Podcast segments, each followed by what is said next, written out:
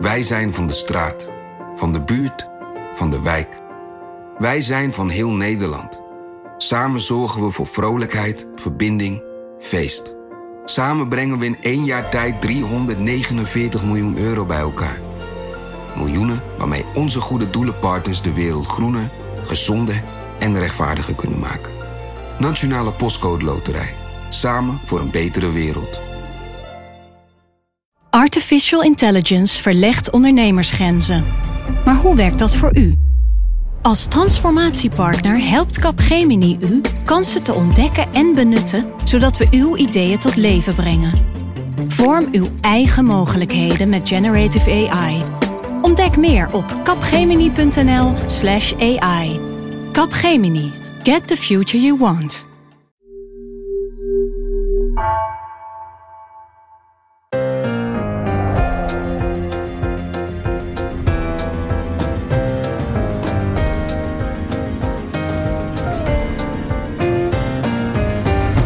Dit is Haagse Zaken van NRC. Mijn naam is Lemia Aharwai.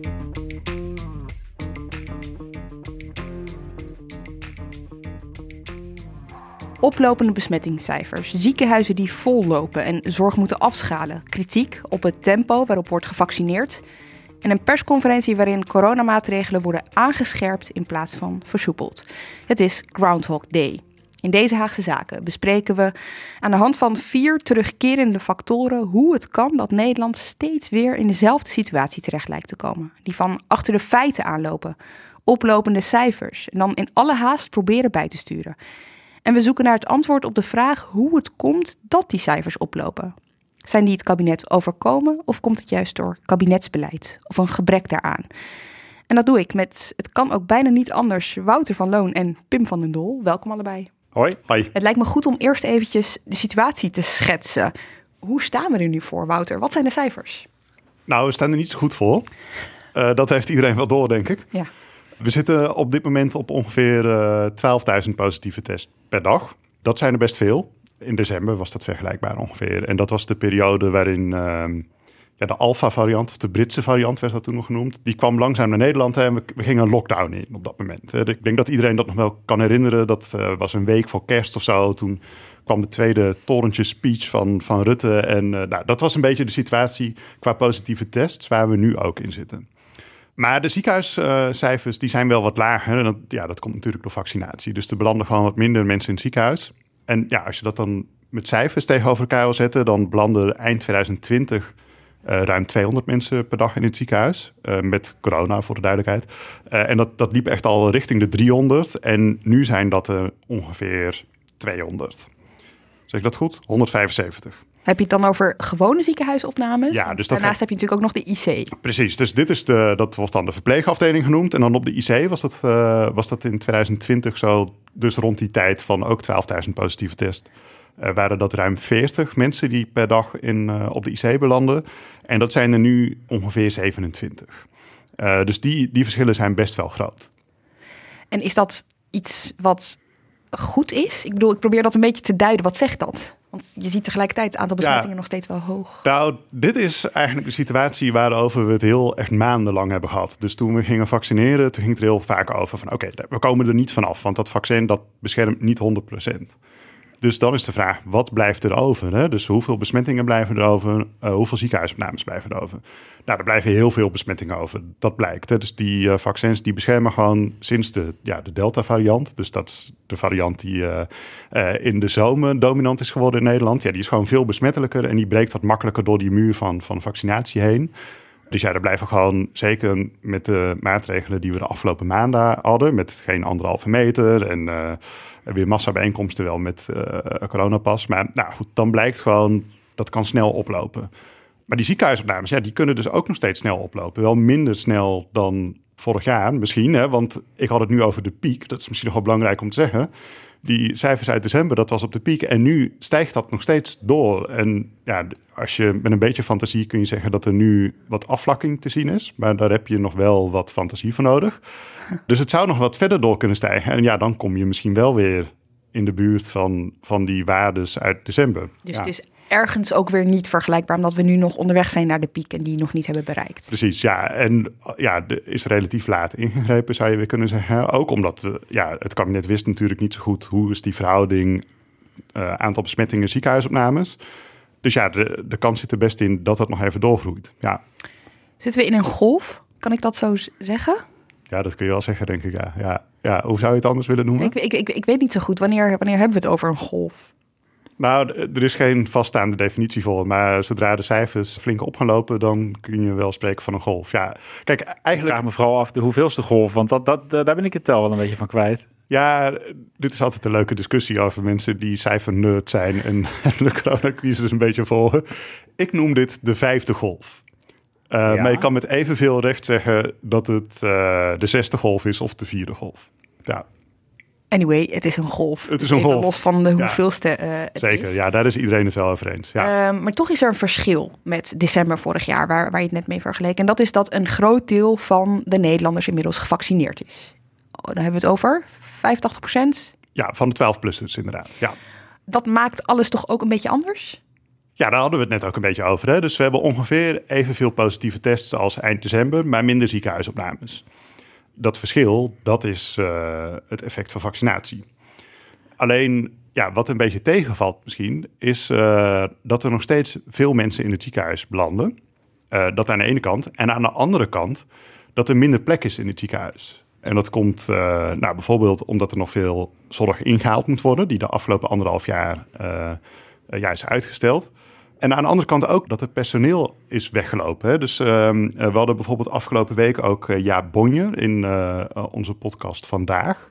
En die, ja, die vertelde dat er veel meer vacatures zijn eigenlijk bijgekomen de afgelopen anderhalf jaar. Hij is voorzitter hè, van de chirurg in Nederland. En helaas is ook een heel groot tekort aan de operatiepersoneel en verpleegkundigen. En voordat de COVID-pandemie begon, waren er 14.000 vacatures in de zorg. En de verwachting is dat dat volgend jaar naar 75.000 vacatures uh, zal stijgen. Als ik het me goed herinner, dan is zeg maar het in toom houden van de gevolgen van corona voor de zorg steeds iets geweest wat het kabinet heeft geprobeerd met beleid. Dat was steeds een doel ook wel. Hè? Um, mislukt? Kan, ik, kan je dat dan zo stellen? Nou ja, het was natuurlijk het belangrijkste doel van het beleid. Maar het opmerkelijke inderdaad is in vergelijking met vorig jaar... is dat hoewel dus de ziekenhuisopnames zijn een stuk lager... maar de problemen in de zorg zijn nu alweer heel erg groot. Ik denk dat dat ook een, een, een, forse tegenvaller is, zeg maar. Dat het dus niet gelukt is, hoewel dat wel hè, vorig jaar de bedoeling was... Uh, om ook gewoon meer uh, zorgpersoneel aan te trekken, op te leiden, om te scholen... Uh, maar de facto kunnen nu minder ziekenhuisbedden van personeel uh, worden voorzien. Hè, zowel voor de coronazorg als voor andere zorg. En het is ook niet gelukt, het is Nederland in ieder geval niet gelukt om ja, die zorgcapaciteit ook echt al op te schalen. Daarom komen de ziekenhuizen nu alweer in de problemen. Veel eerder dan we misschien hadden gedacht. Je zegt in Nederland. Zijn wij een uitzondering op de regel als je kijkt naar andere landen? Nou, ik, ik moet zeggen dat ik niet precies weet. In alle landen, laat dat duidelijk zijn, is er een probleem aan met de zorgpersoneel en knelt die capaciteit. Maar ik weet wel dat bijvoorbeeld het Verenigd Koninkrijk er wel is in geslaagd bijvoorbeeld om het aantal IC-bedden echt te verhogen. Nou, dat is bij ons niet gelukt. We hebben er minder.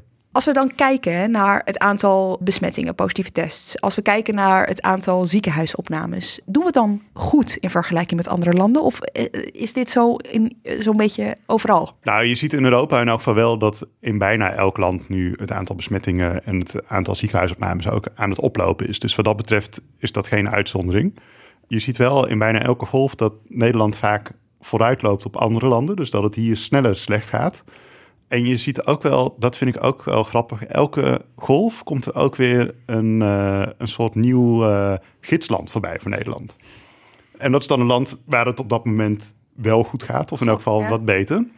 Dus we hebben bijvoorbeeld uh, in de eerste golf keken we heel erg naar Duitsland. Hè, dus die hebben toen ook wat coronapatiënten uit Nederland overgenomen. Die hadden een heel grote zorgcapaciteit. En de hoop was bijvoorbeeld dat in deze golf Duitsland misschien Nederland wel weer te hulp zou kunnen schieten. Uh, nou, die hebben afgelopen week laten weten dat het niet kan, want hun ziekenhuizen hebben bijvoorbeeld ook te druk.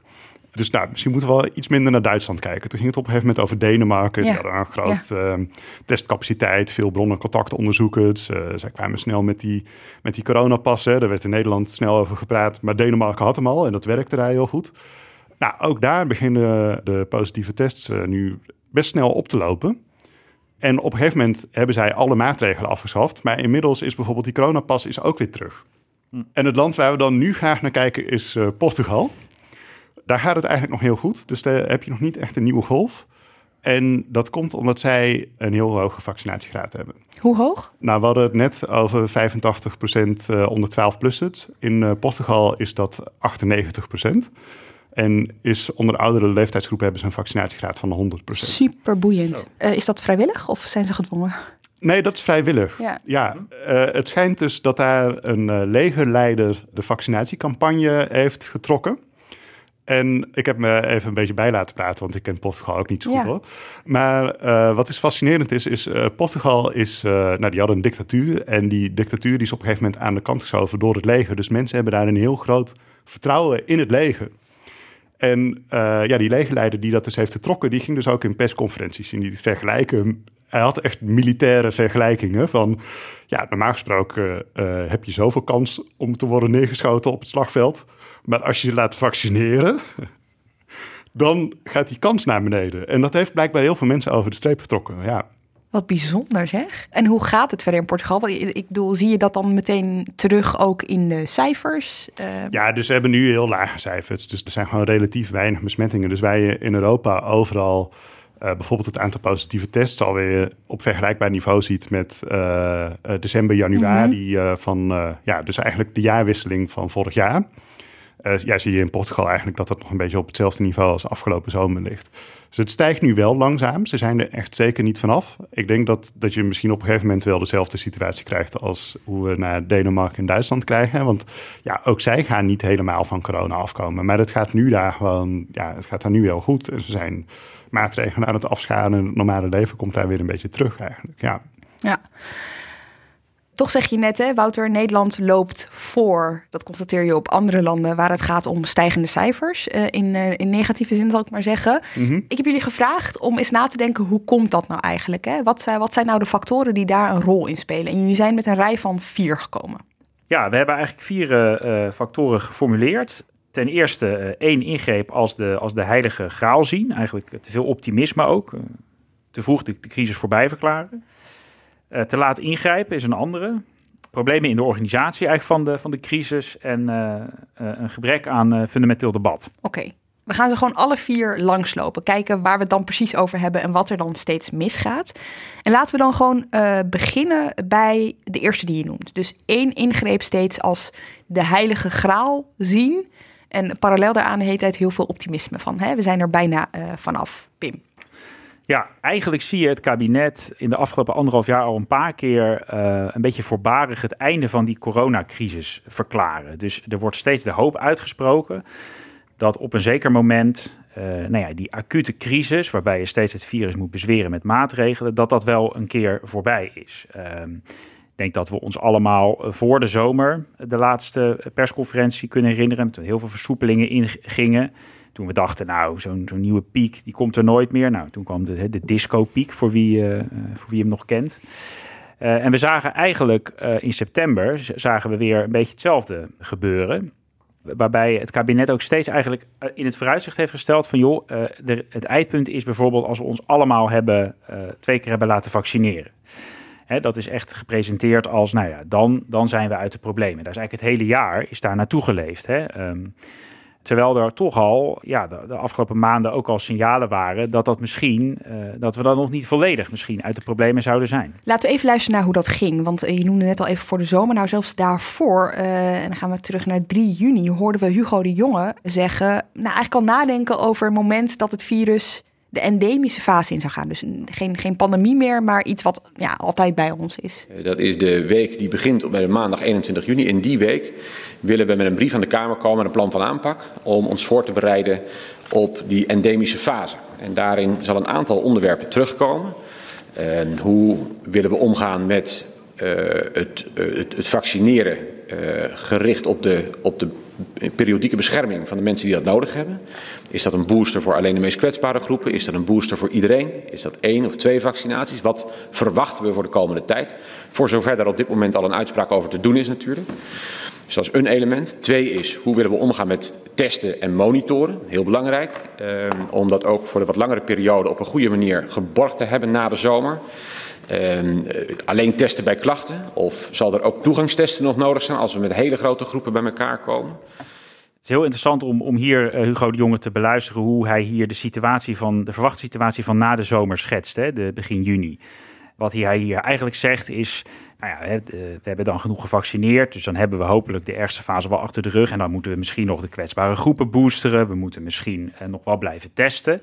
Maar zware maatregelen, nou daar verwachtte hij dan wel uh, vanaf te zijn. Terwijl de endemische fase, hè, waarbij het virus op een heel laag pitje is en eigenlijk niet meer voor hele grote problemen zorgt. Nou ja, het is inmiddels nu wel duidelijk dat het kabinet, misschien ook wel het OMT, uh, zich uh, erin vergist hebben hoe snel die fase zou gaan aanbreken. Want de afgelopen maanden is hij daar ook wel langzaam op teruggekomen. Toen ging hij op een gegeven moment praten over een overgangsfase of een, de tussenfase, hoorde je. Maar het is in ieder geval echt een, een, een verkeerde inschatting gebleken, zeg maar, hoe snel dit virus een soort endemisch wintervirus wordt. Een soort jaarlijks golfje, waar we dan eigenlijk heel makkelijk mee kunnen omgaan. Dat de verwachting was blijkbaar bij het kabinet dat, al, dat dat al dit najaar het geval zou kunnen zijn. Nou, kijk naar de situatie waar we nu weer in zitten. Dat is dus duidelijk ja, verkeerd of te, te positief ingeschat. Wat hierbij belangrijk is, is dat het kabinet zich dus ook volledig richtte op dat vaccin. Dat was de troef, zo werd het ook genoemd, die ons uiteindelijk uit de crisis zou helpen. Ja, terwijl rond die vaccins zijn eigenlijk best wel veel onzekerheden. Hè? Want uh, ze bestaan eigenlijk pas net. En vorig jaar, toen was er nog niks. Toen was het idee onder uh, experts ook wel van... stel je voor dat zo'n vaccin nou voor bijvoorbeeld 60% zou beschermen tegen ernstige ziekten... Van, nou, dat zal heel wat zijn. Hè? Dat zal ons al, al op weg helpen in elk geval. En dat werd toen als een realistisch scenario gezien. Ja, toen kwam in januari kwam, kwamen Pfizer en Moderna heel snel achter elkaar. En toen bleek dat ze uh, op dat moment nog voor 95% tegen... Ja, dat wordt dan symptomatische ziekte genoemd. Dus je besmet raakt en daar ook daadwerkelijk ziek van wordt. Mm -hmm. Ja, toen ging natuurlijk overal uh, de vlaggen uit... Maar ook op dat moment was nog heel veel onduidelijk. Van hoe lang houdt die bescherming dan precies aan? Uh, hoe goed uh, houden die vaccins zich tegen andere virusvarianten die, die misschien nog zouden moeten komen? Nou, we zaten op dat moment bijvoorbeeld al met, uh, met de alpha-variant. Hè? Die vaccins zijn gebaseerd op de originele variant uit Wuhan. Ja, we hebben nu met een heel andere variant te maken. Hoe gaat dat? Komen er misschien nog meer mutaties die, die nog wat beter door, ja, door die vaccinatiebescherming heen kunnen, kunnen breken? Nou, en ja, dat blijkt dus eigenlijk allemaal te zijn gebeurd. Het was dus echt, om, toen de vlag uitging, tegelijkertijd ook al omringd door heel veel onzekerheden, is eigenlijk wat jij ja. om, omschrijft. Hè? Terwijl je daar misschien iets minder over hoorde, want ja, de focus lag toch echt op. Ik kan me nog herinneren dat Hugo de Jonge het op een gegeven moment ook de sleutel noemde. Hè? Weet je wel, van yes, we hebben iets wat ons hieruit kan helpen. Is dat daarom ook dat optimisme over dat vaccin, is dat ten koste gegaan van inzetten op andere manieren om uit die crisis te komen?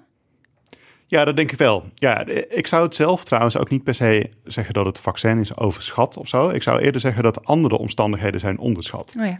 Ja, dus bijvoorbeeld zo'n mutatie, die Delta-variant, die is gewoon, ja, dat heeft echt heel veel veranderd ten opzichte van de situatie daarvoor. Want die is echt zoveel besmettelijker dan de originele variant. Hij breekt ook wat makkelijker door die vaccinatie heen. Ja, dat, is, dat ligt niet aan die vaccins. Dat komt omdat er een nieuwe mutatie is gekomen. En ja, ja, dat was op zich niet een heel vreemde situatie. Want dat hadden we al een keer eerder gezien. Namelijk uh, eind vorig jaar in, uh, ja, in het begin in, in Groot-Brittannië werd dat gezien. Dus die, en die andere factoren, dus bijvoorbeeld zo'n mutatie, ja, die, die lijken wel te zijn onderschat. Ja. Denk wel dat het kabinet misschien inderdaad te veel op alleen maar dat vaccineren heeft ingezet. Tegelijkertijd denk ik ook dat het ook wel echt een tegenvaller is, zeg maar, dat we met deze vaccinatie gaan. Toch zoveel mensen hebben zich vrijwillig laten vaccineren. Veel meer dan we misschien in het begin wel dachten, toen er nog veel twijfel was over die vaccins dat het toch ook een tegenvaller is dat het virus zich inderdaad nog zo snel nu kan verspreiden. Voor zoveel uh, ziekenhuisopnames zorgt.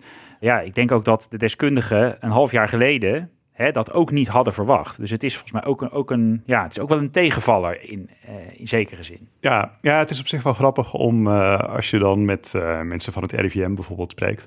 om te zien hoe zij over, die, over dat vaccin spreken. Dus dat was begin januari was dat echt, nou, dat, was echt ongelooflijk. Ze vielen echt van een stoel hoe goed dat vaccin werkte. En dan naarmate er steeds wat meer van afgeknabbeld werd, dus uh, nou, die varianten die, die gaan er toch wat makkelijker doorheen. Of um, uh, het, het beschermt toch wat minder tegen besmetting.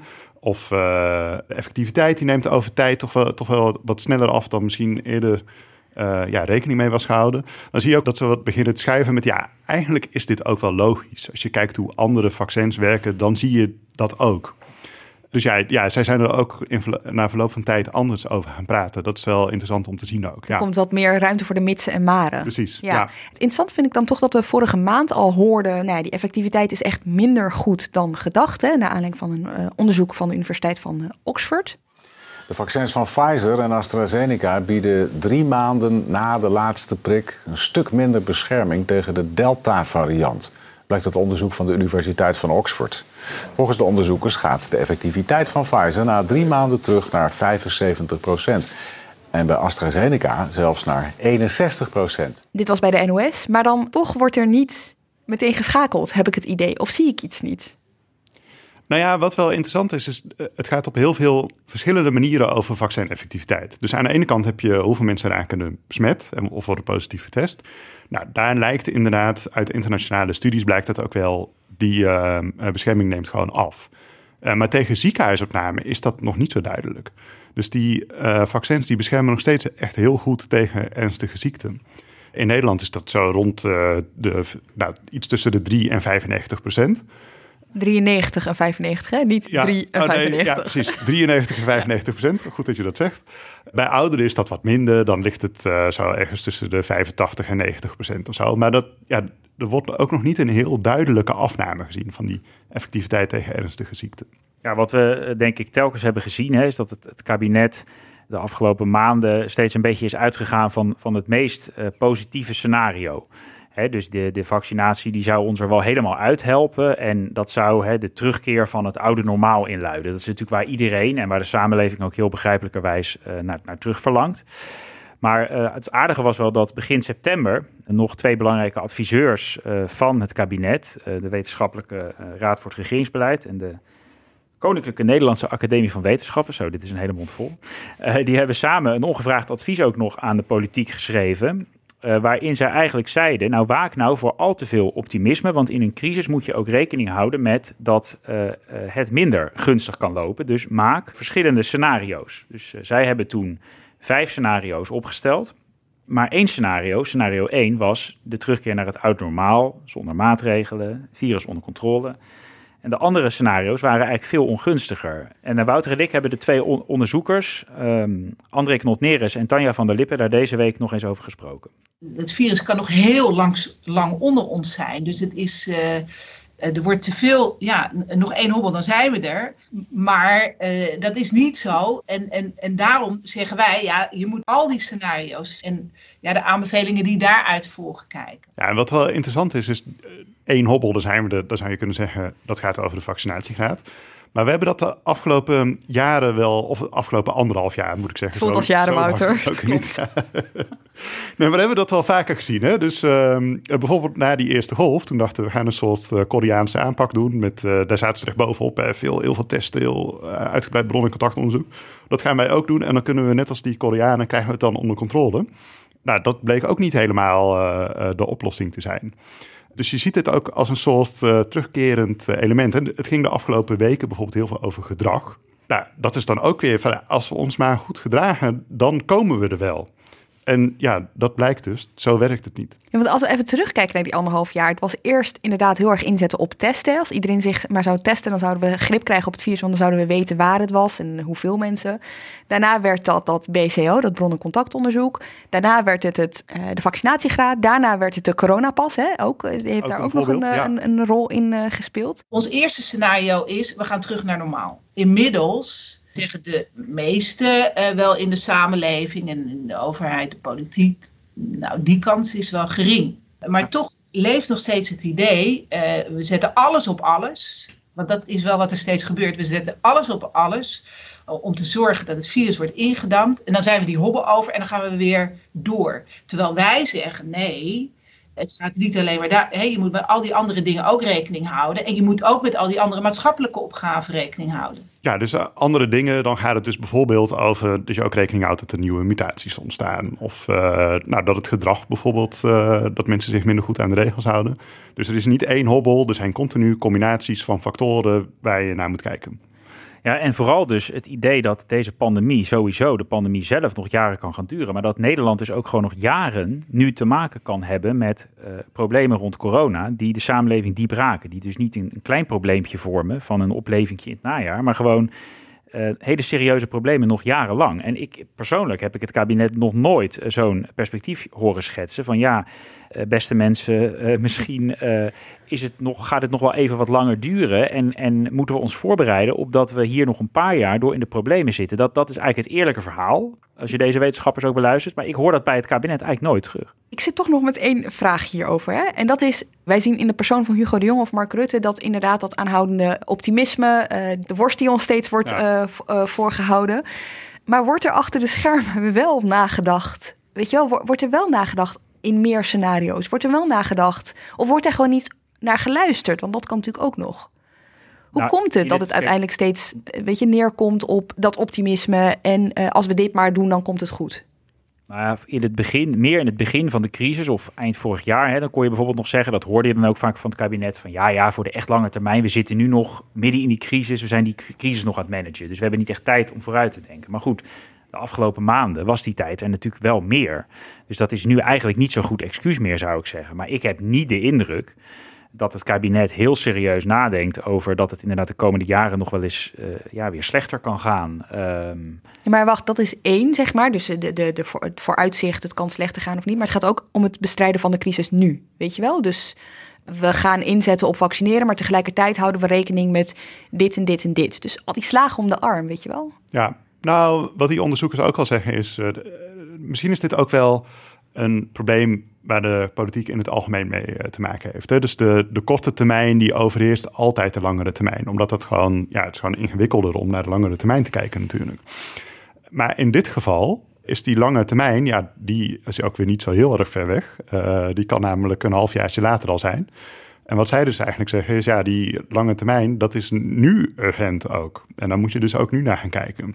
Dus zij zien misschien een wat breder probleem, zou je kunnen zeggen, in de politiek. Waarbij er wat minder wordt gekeken naar langere termijn. Maar nu is dat nog belangrijker dan het normaal al is. Dus communicatief is dit ook buitengewoon belangrijk. Dat je aangeeft, um, het is uh, niet simpel. Er zijn onverwachte ontwikkelingen die we al gehad hebben.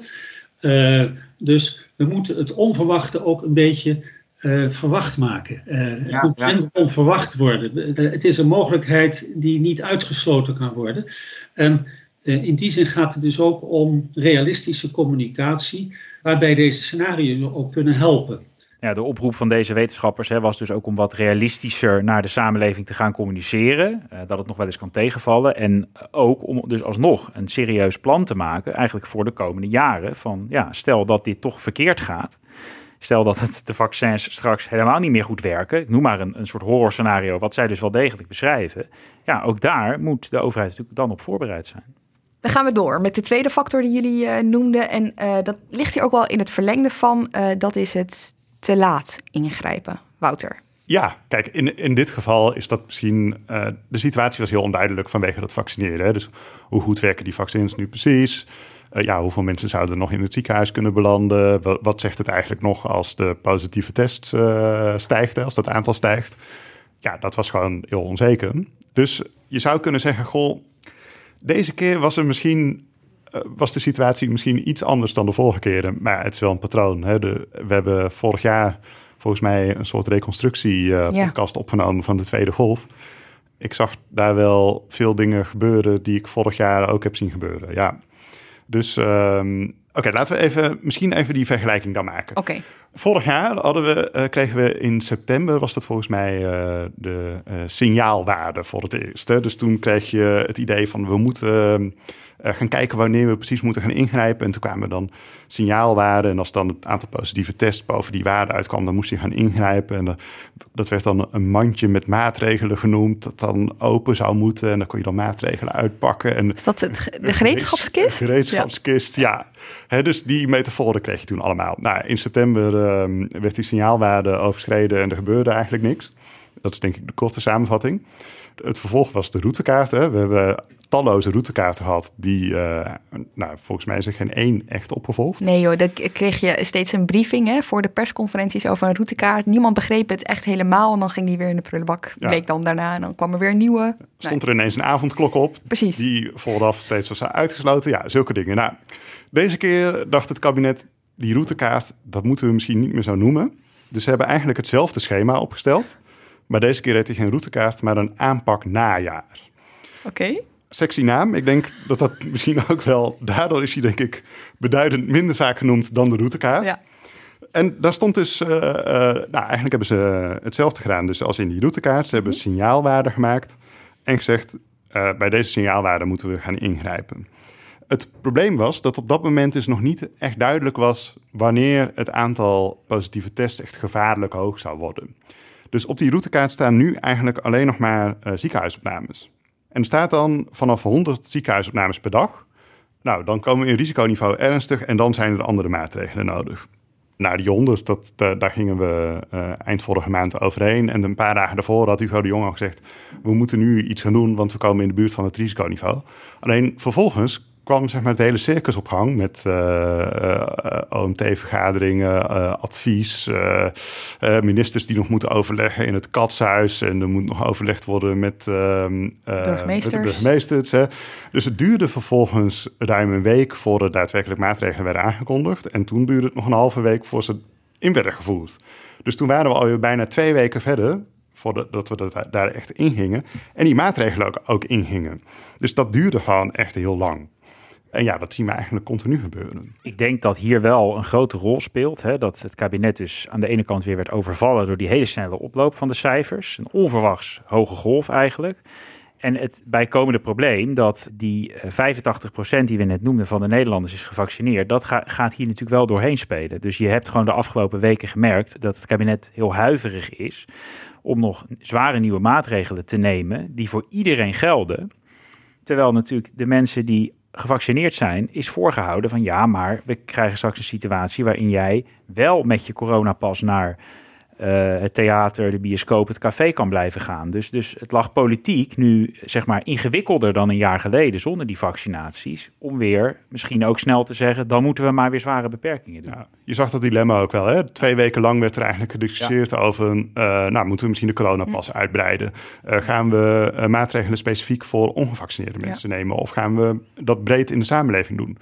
Ja, daar ging het twee weken lang over. Maar aan de andere kant vind ik toch ook wel dat we dat de afgelopen anderhalf jaar überhaupt hebben gezien. Hoor. Dus dat steeds de discussie was, ja, gaan we nu weer de horeca sluiten? Hè? Dat was ook een uh, lange overweging natuurlijk. Met die avondklok was het ook zo. Gaan we dan mensen opsluiten in hun huis? Hè? Dus je hebt steeds wel een heel, ja, een, een lang uitgesponnen discussie. Terwijl op dat moment eigenlijk de snel gehandeld moet worden. En je dus vaak dus al wel een plan hebt gezien vooraf, of dat nou een routekaart is of een aanpak najaar, waarin er al wel allerlei uh, maatregelen staan en daar zijn signaalwaarden zijn gekoppeld, maar als het puntje bij paaltje komt, dan blijkt het toch ingewikkelder te liggen. Als je dit zo leest, dan, dan, dan denk je bijna van het kabinet rekent er al niet meer op dat het nodig is. Er staat namelijk collectieve maatregelen, dubbele punt, bijvoorbeeld groepsgrootte, dat bijvoorbeeld wat omlaag brengen, sluitingstijden, anderhalve meter terug dan zeg maar, thuiswerkadvies, et cetera.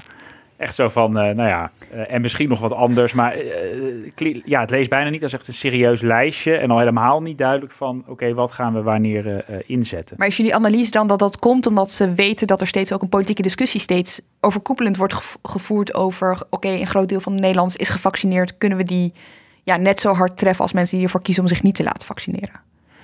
Ja, ik denk serieus dat toen ik dat A4'tje eerder las, dat het, kabinet gewoon hier niet, niet serieus op, hè, op rekenen dit weer nodig te hebben. Dus dat het nog als optie zo stond, maar dat ze eigenlijk dachten, ja, dit zullen we niet meer nodig hebben. Maar goed, jij vertelde net, Wouter, er wordt hier ja, de ziekenhuisopnames worden, worden, worden genoemd als signaalwaarde, maar niet de besmettingscijfers. En nu gaan we, op, zeer glad, gaan we ons op glad terrein bevinden, want dit is ook iets wat een beetje onzeker is. Waar wordt nou eigenlijk op gestuurd? Is dat jullie duidelijk?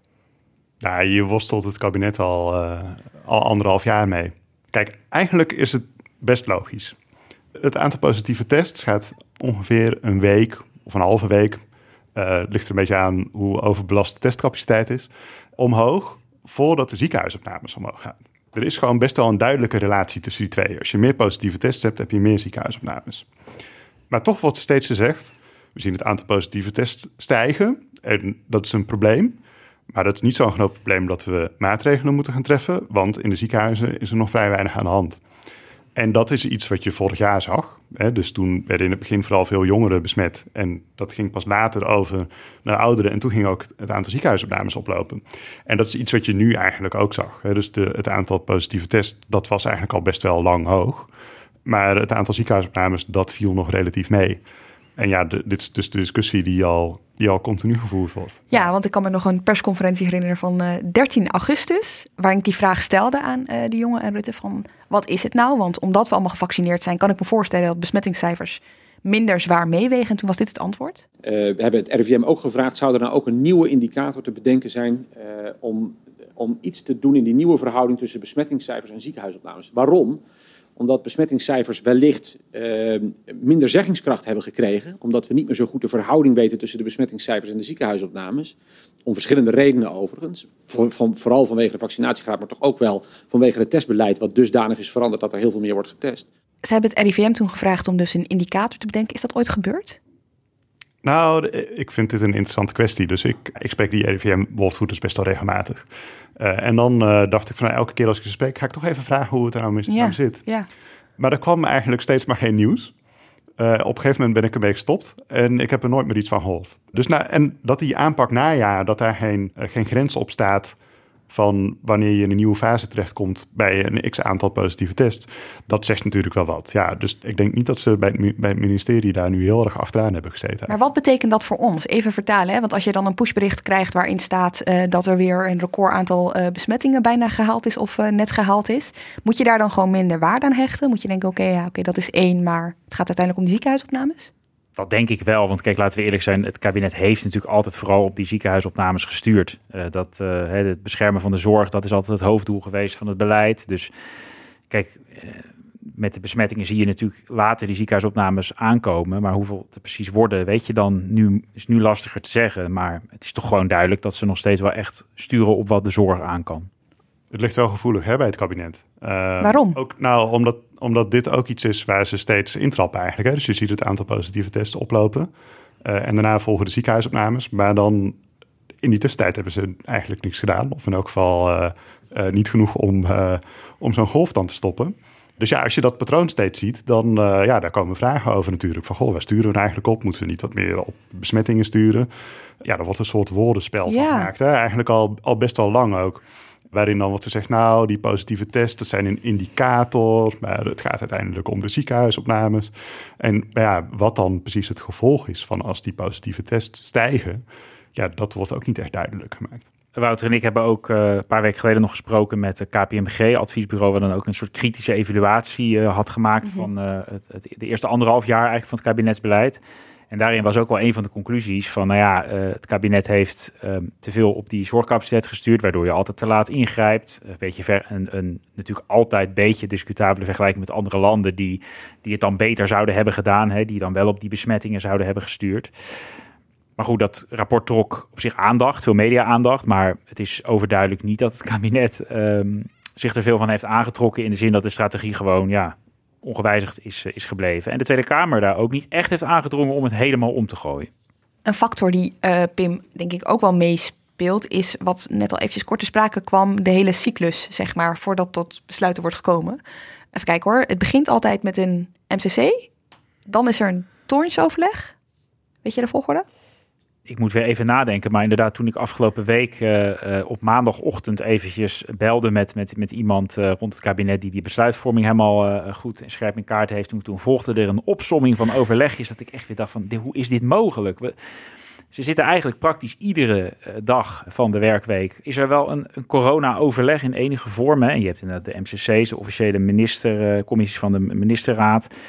Uh, maar je hebt ook uh, op algemene zaken bij Rutte regelmatig uh, overleg met alleen de jongen en Grapperhaus. Dat was dan nu op maandag en woensdag. En dan was er nu op, op donderdag weer een katshuisberaad. En dan de burgemeesters. En dan op vrijdag nog een laatste overleg van het kabinet. Dat is hoe gewoon zo'n zo'n gemiddelde week er ongeveer uitziet. Um, is dat logisch? Nou, vanuit uh, de crisisbestrijding is het natuurlijk helemaal niet logisch. Hè? Als we het net hebben over snel uh, en daadkrachtig ingrijpen, is dit helemaal niet logisch. En er zijn wel meer uh, mensen die, ja, die hebben gezegd van het, in Nederland wordt er echt zoveel gepolderd ook in deze pandemie. Het is, het is ongelooflijk wat een, een, een, ja, een tijd er ook wordt genomen om tot die besluiten te komen. Um, en kun je erachter komen in al die overleggen waar dan de besluiten worden genomen? Nou ja, uiteindelijk worden ze natuurlijk op het, hè, op het katshuis genomen. En daarna officieel nog in het kabinet de dag daarna met, met de rest erbij. Maar um, je vraagt je soms wel eens af, hè, als we bijvoorbeeld terugdenken aan de, de, persconferentie eerder uh, deze maand, waar uh, dan alleen maar de nieuwe maatregelen, mondkapjesplicht en een wat aangescherpt advies rond thuiswerken en afstand houden eigenlijk werden gepresenteerd. Hè, en iets meer de coronapas. Maar daar hadden ze dus acht dagen voor nodig. Want de maandag daarvoor, een week eerder, acht dagen daarvoor, zei de jongen al, er zijn nieuwe maatregelen nodig. En toen hebben ze acht dagen de tijd genomen om, om die ook echt uh, af te kondigen. En je hebt er niet echt de vinger achter kunnen krijgen of dat dan iets is, of die acht dagen dan ook echt nodig zijn, of dat die acht dagen dan gebruikt worden om te polderen. Ja, daar wordt dus eindeloos over overlegd. Terwijl je denkt, die maatregelen zijn eigenlijk heel eenvoudig. Uh, kun je dat niet gewoon, kun je niet de volgende avond een persconferentie geven? En als jij die... Soms verba verba verbaas je daarover. En als jij die vraag stelt, wat krijg je dan te horen van bronnen rond het kabinet? Ja, dat het allemaal hele ingewikkelde afwegingen zijn. En dat het even goed moet worden doordacht en doorgerekend. En, uh, ja. Dat er dus te laat wordt ingegrepen, nou, dat, dat, dat hoor je dus de hele tijd. Die kritiek is, als ik jullie goed beluister, terecht. Er kan sneller worden ingegrepen. Ja, op sommige ja. momenten lijkt, lijkt me wel. En natuurlijk hè, is, de, de, is het ook begrijpelijk dat er soms twijfel is... we willen de samenleving niet meer heel hard raken. Dat, dat er enige aarzeling zit, dat snap ik wel. Maar, maar die eenvoudige gedragsadviezen... ja, daar kan je, kan je ook bijvoorbeeld wel sneller weer onder de aandacht brengen soms, denk ik. Ja, en het probleem van dat laat ingrijpen is ook wel... Nou, je hebt te maken met, dat heet dan exponentiële groei. Dit heb je een keer uitgelegd en uh, die link zetten we in de show notes. Oké, okay, ja. fijn, fijn. Dan hoef ik het nu niet te doen. uh, nou, maar de, het komt er in de kern op neer... Uh, de jongen vat het ooit samen als... Uh, als je denkt, dit gaat vast sneller dan ik had verwacht... gaat het toch nog sneller dan ik had verwacht. Ja. En het probleem is, ja, als je meer dan een week wacht... dan uh, ben je twee besmettingscycli verder, heet dat dan. En ja, dan, uh, dan kan dat supersnel uit de hand lopen. Dus je wil eigenlijk daar heel kort bovenop zitten. Ja, zeker als je een beetje tegen ja, de grenzen van de zorg aan het op beleid aan het maken bent... En dat is dus ook wel een beetje wat je steeds ziet, door dat laten ingrijpen. En zeker als het dan te weinig blijkt te zijn, moet je dus de stappen na moet nog veel harder zijn, omdat je met een, ja, met een exponentiële uh, groei van het probleem zit. Ja, het duurt steeds langer voordat je het aantal naar beneden kan krijgen ja. in één keer. Ja, of in elk geval duurt het misschien niet langer, maar als dezelfde tijd tussen zit door die exponentiële groei, neemt het aantal patiënten in de ziekenhuizen bijvoorbeeld in absolute aantallen ja. veel harder toe. Ja.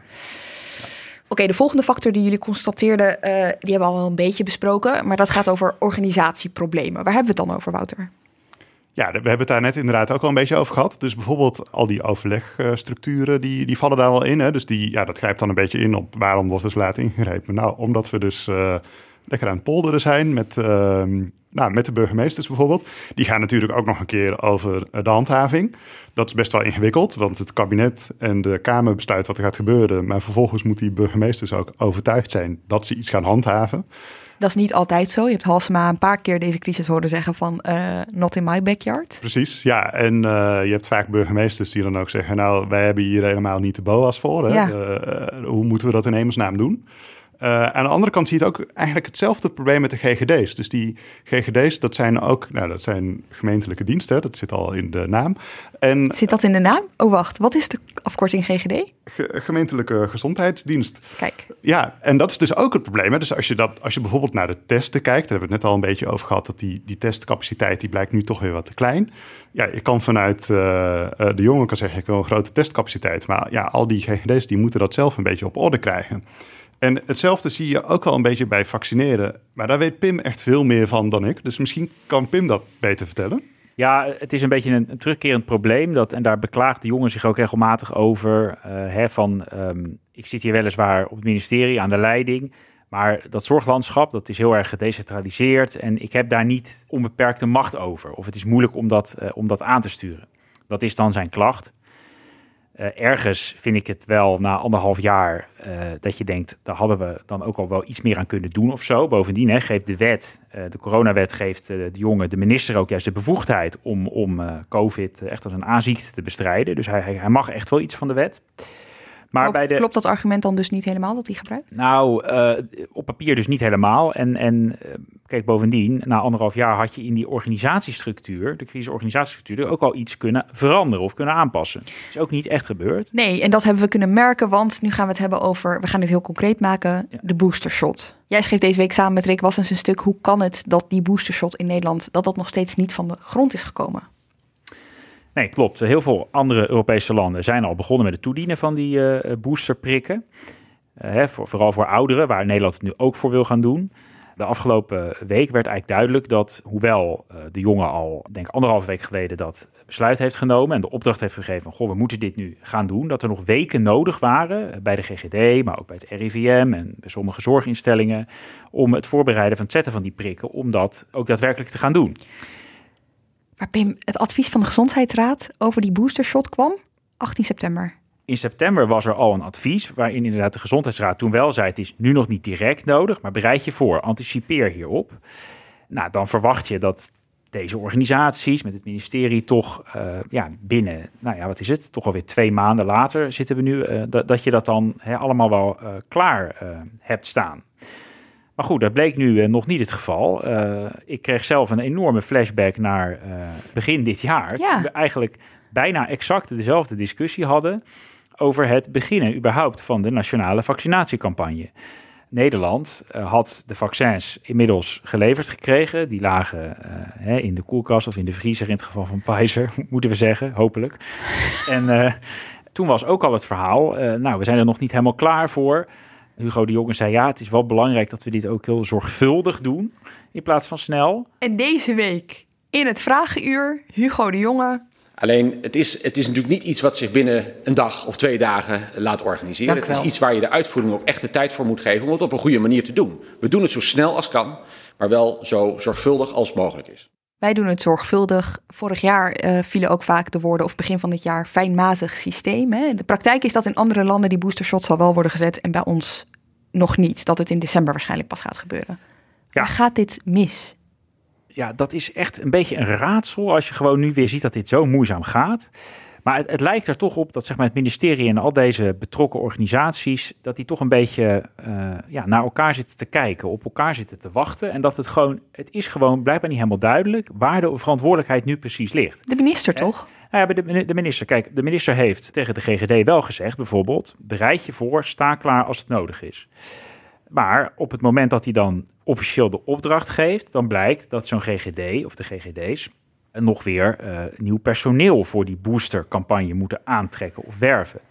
Ja, als ik dat dan hoor, dan denk ik, ja, het is toch best merkwaardig dat als je weet, hè, dus ook een beetje kritisch richting de GGD, dat je die boostercampagne moet gaan doen, dat je daar de opdracht voor kan krijgen, dat je dan niet, bij wijze van spreken, ik zou zeggen, na een week, binnen een week, gewoon mensen hebt. Hè, ze hadden eerder studenten, ze hadden allerlei flexkrachten, dat je die zeg maar paraat hebt staan om dat snel te gaan doen. Maar de jongen die zegt dan ook, ja, vier tot zes weken voorbereiden. Ja, dat vind ik een hele reële termijn. Maar wat, wat, Als... wat uh, gebeurt er in die vier tot zes weken? Kun je dat inzichtelijk maken? Waar, waarom zijn die vier tot zes weken nodig? Nou, GGD moet dus nog in ieder geval extra personeel werven... om genoeg mensen te hebben om op al die locaties weer die boosterprikken te gaan zetten. Want de mensen die de vaccinaties hebben gezet in eerste instantie, die zijn weer weg ja, die zijn niet allemaal volledig in dienst gebleven. Ergens is dat te begrijpen. Want ja, als er even minder werk is, dan neem je ook weer van -hmm. sommige mensen in ieder geval tijdelijk afscheid. Maar je, je verwacht toch afspraken dat ze snel kunnen terugkomen, bijvoorbeeld. Dat je een pool hebt, een flexibele schil, noem, noem het. Uh, Oké, okay, dus personeel? personeel. het RIVM moest nog beginnen met de uitnodigingsbrieven voor de ouderen, welke precies weer als eerste moeten worden opgeroepen. Maar dat is dezelfde volgorde als bij de eerste vaccinatiegolf, toch? Dus in principe zou je kunnen denken, er is ergens een Excel-bestand waar ze die naam uit kunnen trekken. Het is echt heel simpel gemaakt hoor, maar zeg maar... Lijkt me ook niet heel ingewikkeld. Wat je ook weer hoort is, ja, in de verpleeghuizen moeten weer aan al die mensen moeten toestemmingsverklaringen gevraagd worden. Maar dit, ja, dat, dat klopt. Alleen dat is toch ook gewoon in een dag gebeurd, of tenminste hè, in een dag gebeurd van die, heel veel van die ouderen die wilden dolgraag begin dit jaar die prikken hebben. Ze stonden allemaal, ik was in een verpleeghuis, ze stonden letterlijk allemaal in de rij met hun rollator of rolstoel om hem te halen. Mooi beeld. Dus uh, ja, dit, dit klinkt allemaal als hele formalistische, zeg maar, uh, procedurele argumenten. En dingen die ook gewoon, zeker als je twee maanden de tijd hebt om een boostercampagne voor te bereiden, die gewoon allemaal al geregeld hadden kunnen zijn. Maar mag ik iets vragen, Pim? Want die doelgroep hè, van begin dit jaar, die waren eigenlijk gemaakt omdat er te weinig vaccins waren.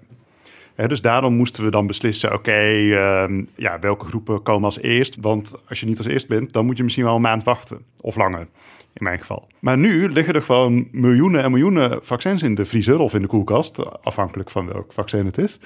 Dus in principe kunnen we gewoon iedereen tegelijk prikken, toch?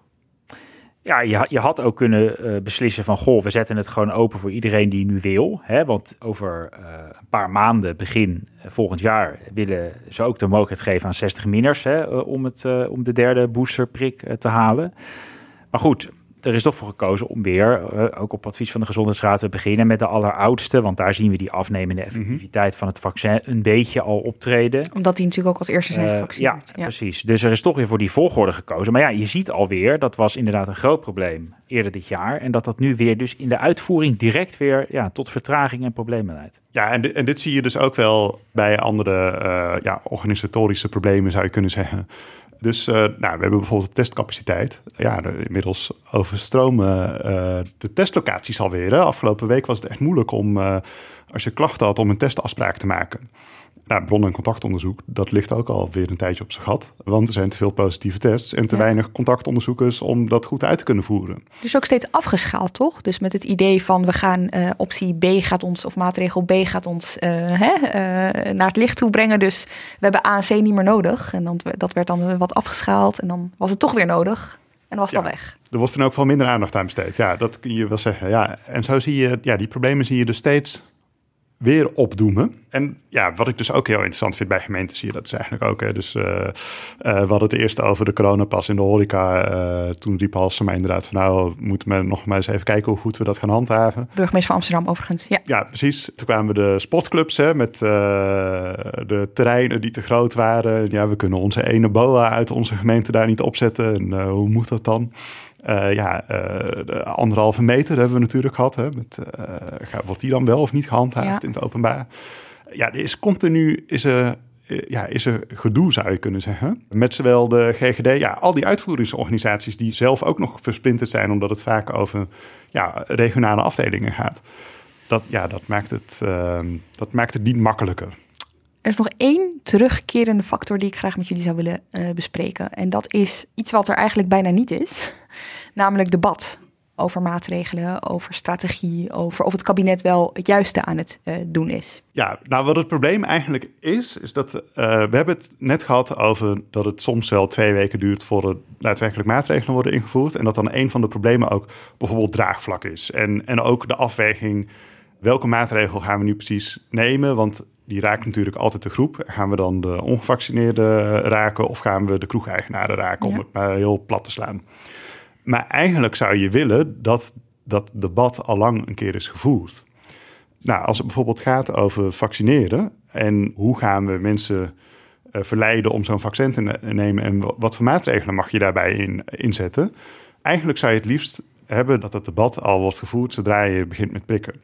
Want je weet dat dat uiteindelijk een keer gaat komen. En we hadden net natuurlijk even die uh, onderzoekers van de WRR en de KNW. Uh, en die zeiden daar ook iets over in ons interview. op het moment dat mensen gevaccineerd gaan worden, starten dit soort discussies. Want dat weten we natuurlijk van de andere vaccinatieprogramma's die er zijn geweest.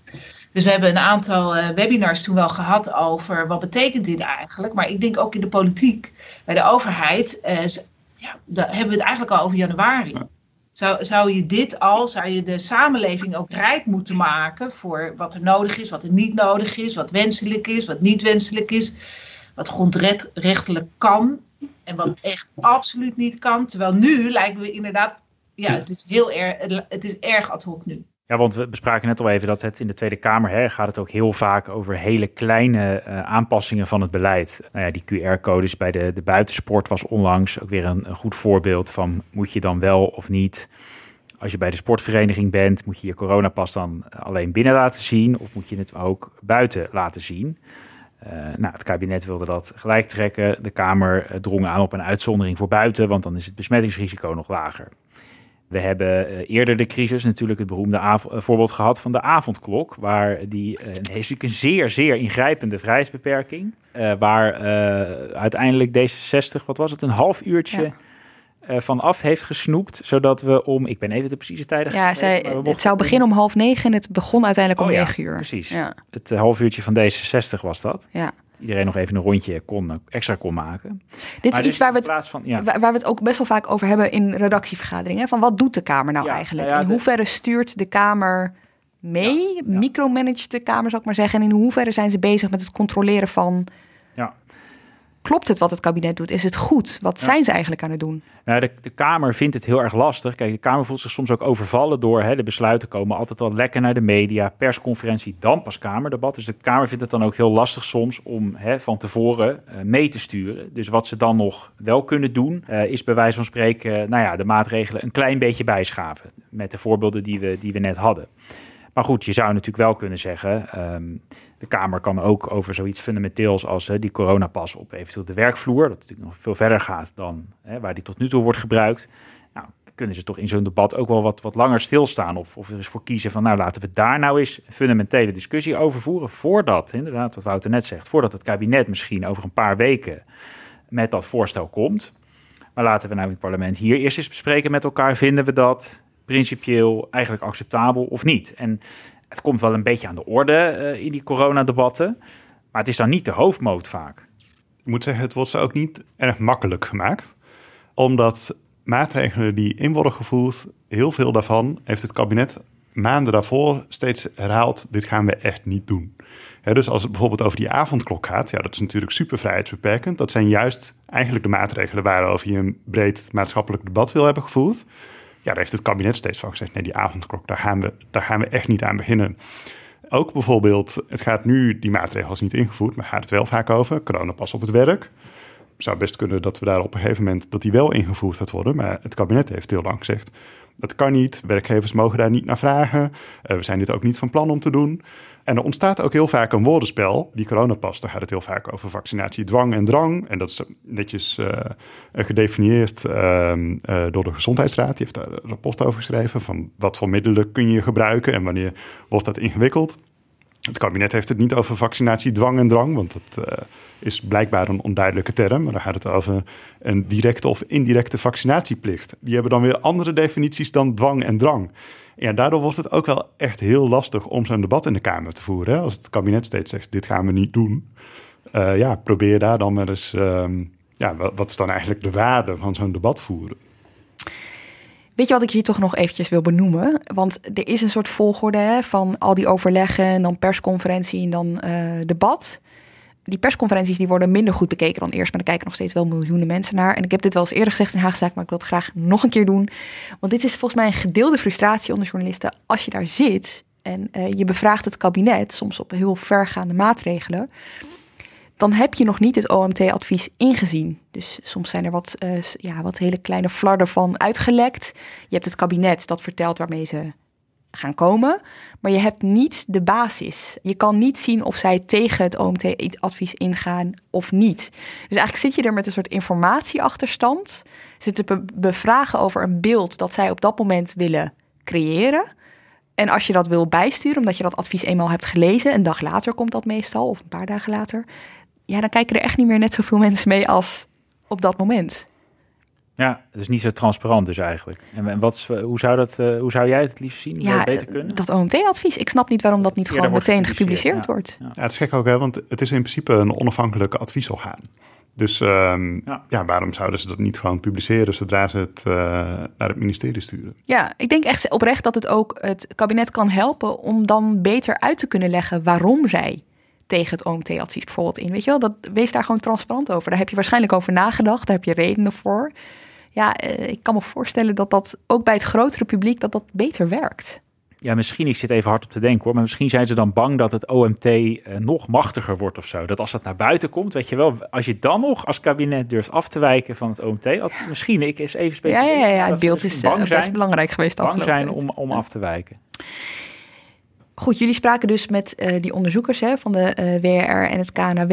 Ik ben nogal benieuwd, want we hebben nu net geconstateerd... er zijn een aantal factoren die steeds weer terugkomen, nu al anderhalf jaar lang deze partijen eh, zijn gekomen met een soort ongevraagd advies in een poging toch nog het kabinet te wijzen op wat er niet goed gaat, op wat er beter kan. Hebben zij het idee dat er naar ze geluisterd wordt? Nou, kijk, aan de ene kant misschien niet, want zij komen nu dus ook met kritiek op hoe het de afgelopen weken ging. Dus met die ene hobbel van de vaccinatiegraad en het gedrag en zo. Aan de andere kant zeggen ze, nou, er was best wel veel aandacht voor ons rapport. Uh, juist uh, uit de politiek en, en uit het kabinet. Wat minder in de media in eerste instantie. En ze zagen in de Kamer ook wel langzaam dat daar het besef komt dat er juist ook over de langere termijn moet worden gesproken. Dus ja, zij zien zelf dat het langzaam begint te schuiven. Ook bij het kabinet? Ook bij het kabinet, ja. Ja, ik ben heel benieuwd hoor of we inderdaad iets zien, gaan zien veranderen bijvoorbeeld in die debatten. Of het kabinet moet nog met een serieuze trouwens of een officiële reactie op dit rapport gaan komen. Die is er nog niet. Nou ja, goed, het is twee maanden geleden. Je kan zeggen dat is, dat is ook nog niet heel lang geleden. Aan de andere kant was het best een urgent rapport. Uh, waar ze snel iets mee moeten uh, als ze slim zijn. Dus ja, ik ben benieuwd of we ook meer scenario's van het kabinet krijgen voor de komende jaren. Ik ben heel benieuwd. We gaan afwachten. Dank jullie wel voor nu. Uh, Pim van den Dol en Wouter van Loon. Dank ook voor het luisteren. Redactie en productie van deze aflevering waren in handen van Iris Verhulstonk. Montage door Pieter Bakker. Volgende week dan zijn we er weer met een aflevering van Haagse Zaak. Graag tot dan.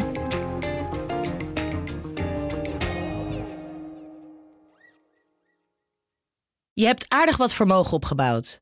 En daar zit je dan, met je ton op de bank. Wel een beetje saai, hè?